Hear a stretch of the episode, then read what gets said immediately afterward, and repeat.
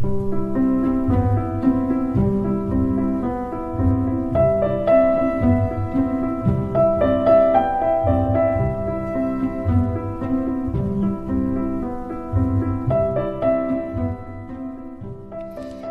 en welkom weer eens by Vers en Klank.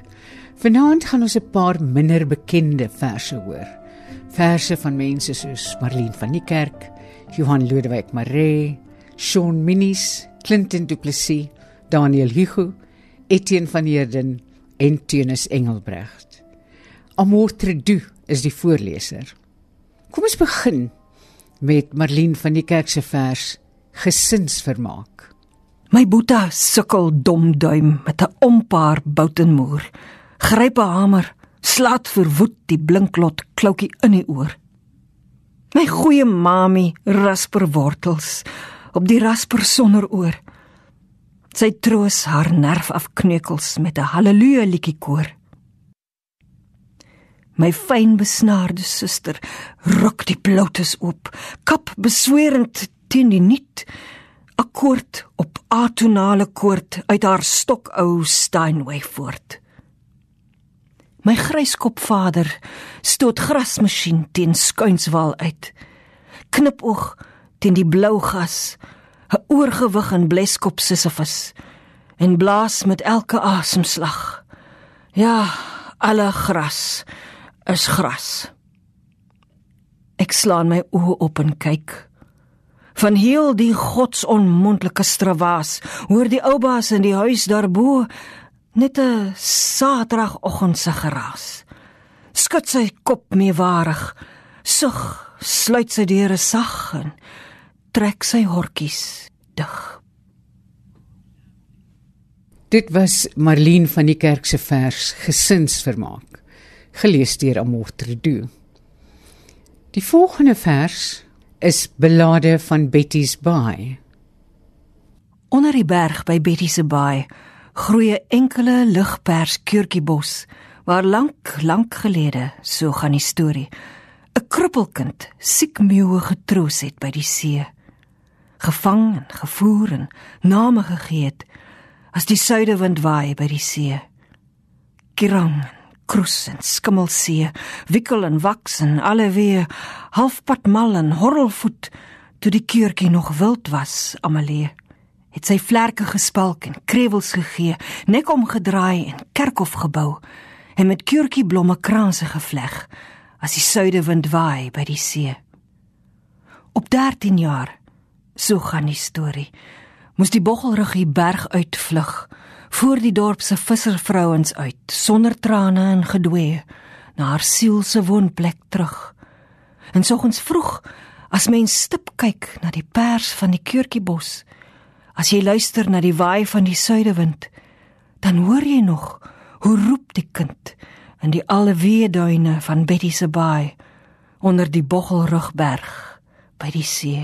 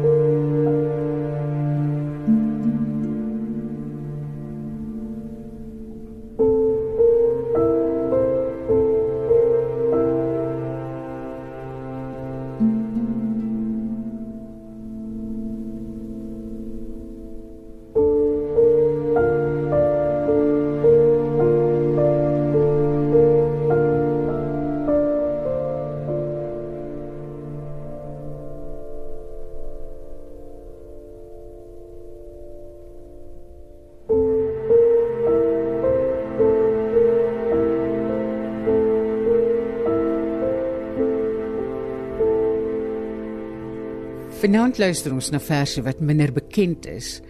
Die eerste twee verse was van Marlene van Niekerk, maar ons gaan nou luister na verse van Johan Lodewyk Maree. Ons begin met sy vers Vakansie. My ouma het 'n buffet. My oupa het 'n winkel. En hulle het 'n sinkpad en 'n windleier en 'n werf vol eende soos op 'n skildery wat hulle nie het nie.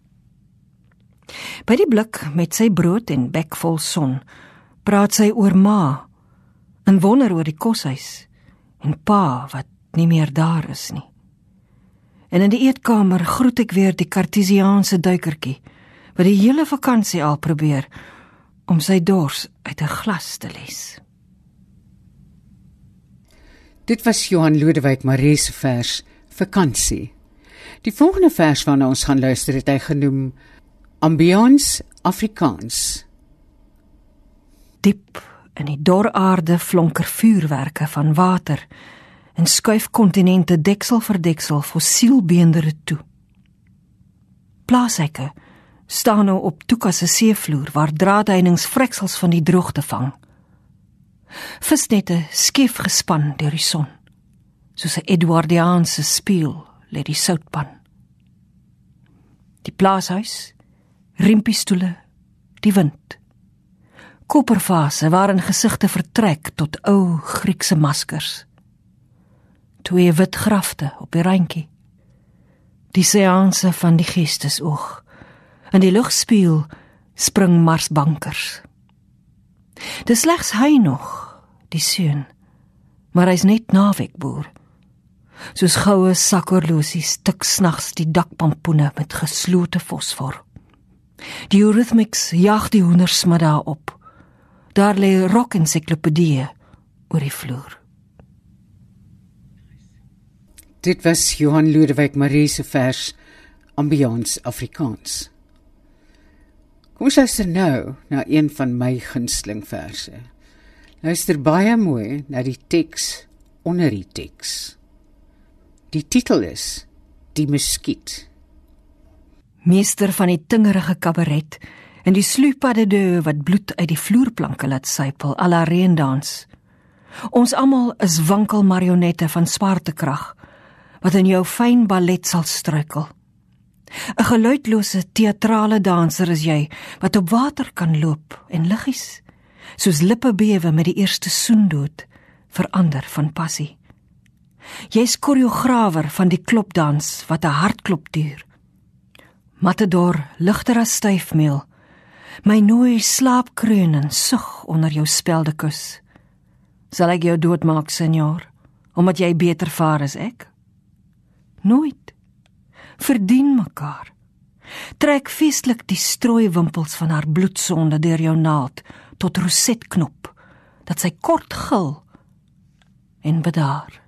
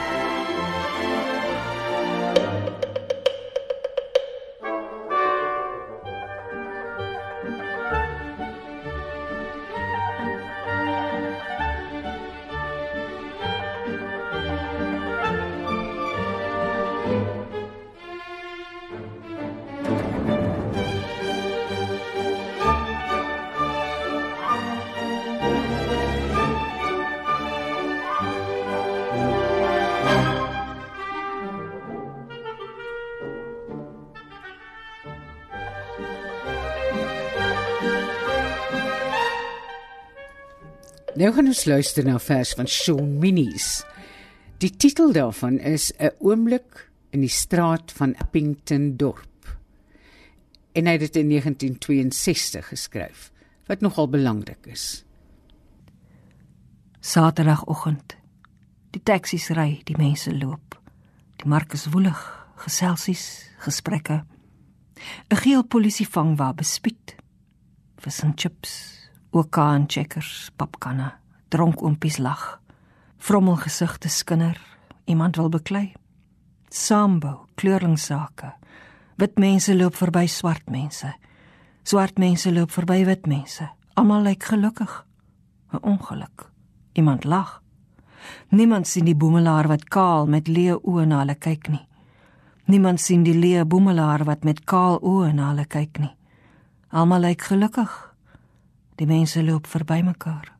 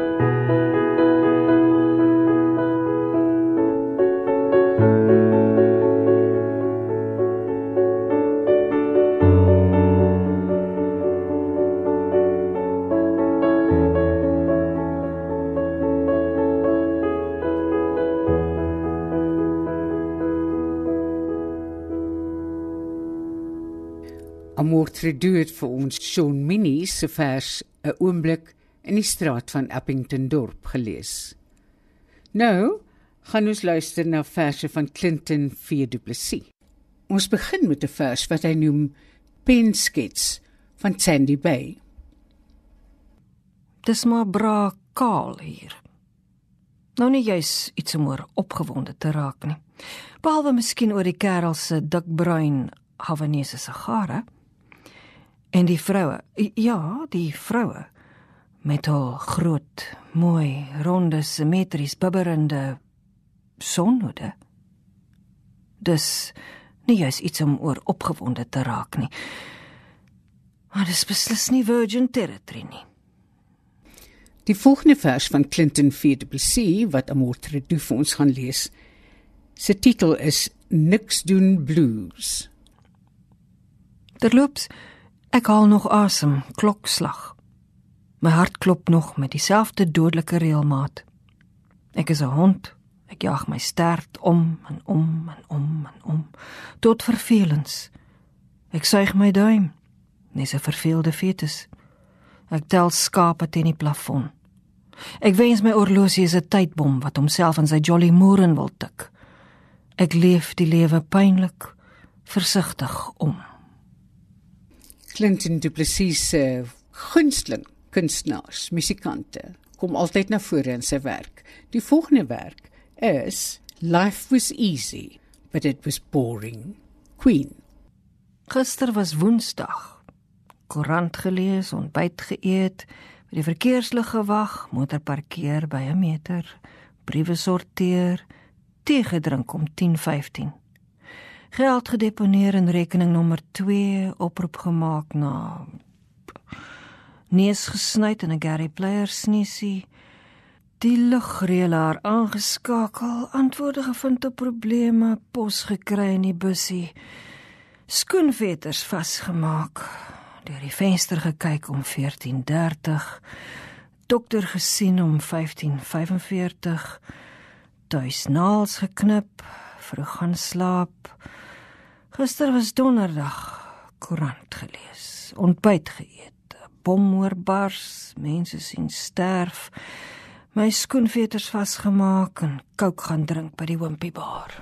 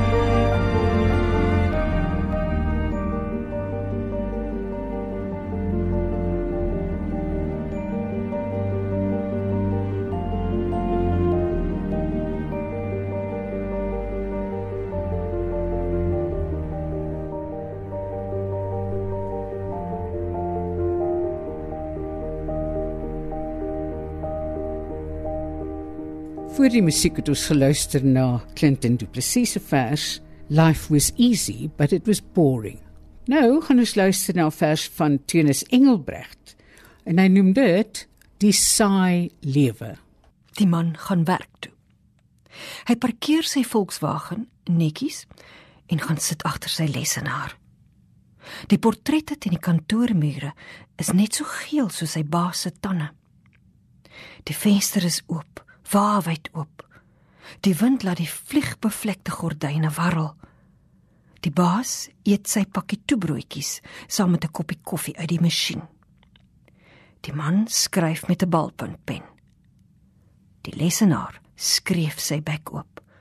Die laaie vreet die man se ledemate op. Die gordyne breek los en val in 'n pulpgraf oor die man. Die vlee sit op sy baas se toebroodjies. Die jiffy sakkie is vol taai stroop. Die wind waai die taai jiffy sakkie oor die baas se kop. Hy lyk soos 'n suurstoftank. Sy gesig word pers soos pruimkonfyt. Die man lyk soos 'n priester met die gordyne om. Die man eet sy blou baas. Die Volkswagen klapper sy vlerke. Godslastervloeke is oor sy deure geverf. Die Volkswagen voel wil die taai suurstoftank om die son bind, maar sy vlerkgordyne verskroei onderweg. Die son versmoor nogtans aan sy eie taai asem. Die man gaan huis toe. Hy wonder waar sy kar die duike daarop vandaan kry. Die 5 uur verkeer is 'n vreeslike besige affære. Ek wonder tog of hierdie man se naam nie Lafras verwy was nie. In die volgende twee verse speel die dood die hoofkarakter. Die eerste vers is van Etienne van Heerden. Hy noem dit sterf. Ek het die hospitaal binne gegaan. Suurstoftanks so skildwagte het oor my gewaak. Hulle het 'n tent van plastiek laat sak. Ek het die dood snags hoor skuifel in die gange. By elke bed het ek kom snuffel en gestreel oor die liggame van pasiënte wat beangs lê, wagtend, wagtend, wagtend. Ek het die dood sien blink in spuitnaalde. Dit geruik aan die wit arms van die verpleegster wat my gewas het. Bedags was sy effens weg. In die voue van die gordyne in 'n reuk, 'n pil, 'n wit ooglid. Ek kon my hart hoor fladder. Die kors in my vingerpunte vol klop. Toe het ek gesterf. My siel het in die vensterbank in 'n bosrose gaan skuil. En die dood het die siek vlees van my liggaam ywerig geëis as sy eie. En die verpleegster het kom verwyder. Die gefrommelde sakdoek, die wekker, die pakkie suur lekkers. Vanaand het ons geluister na 'n paar minder bekende verse van onder meer digters soos Marlene van die Kerk, Johan Lodewyk Maree, Teunus Engelbrecht en Clinton V Du Plessis. Ons gaan afsluit met 'n vers van Daniel Hugo, Hospitale, wat hy opgedra het aan Eugene Maree. Amor Tredoet vir ons die verse gelees. Hospitale vir Eugene Maree. 1 Alles hier is mobiel. Jy moet vir die fale keer of jou bloedeie siel word op 'n trolley weggewiel. 2. Die fale dwaal in die sale rond. Die een wat teen als immuun is. Vermom as virus, kiem of bloedklont. Hier is jou kanse baie na aan nul. Ons tel pille af met 'n abakus om daardie dwaler medies te verkil.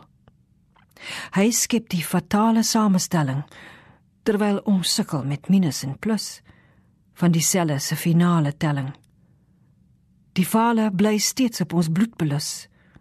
Hy laat dit stol of koorsig sis omdat hy self so bloedarmoedig is. Die onsigbare is jaloers op ons. Al is ons slegs vlees en bloed, stof en dons. 3 Die drupstelsel wat my irrigeer, wat my ondergrond besprinkel, dis die paradys Eugene. verskaf voldoende voedsel en vergif vir 'n oes aan verse en teorieë, neerdrukkend of eufories oor die donker stroom en die lewensdrif. Louis Laipold Mediclinic Desember 2012 tot Julie 2013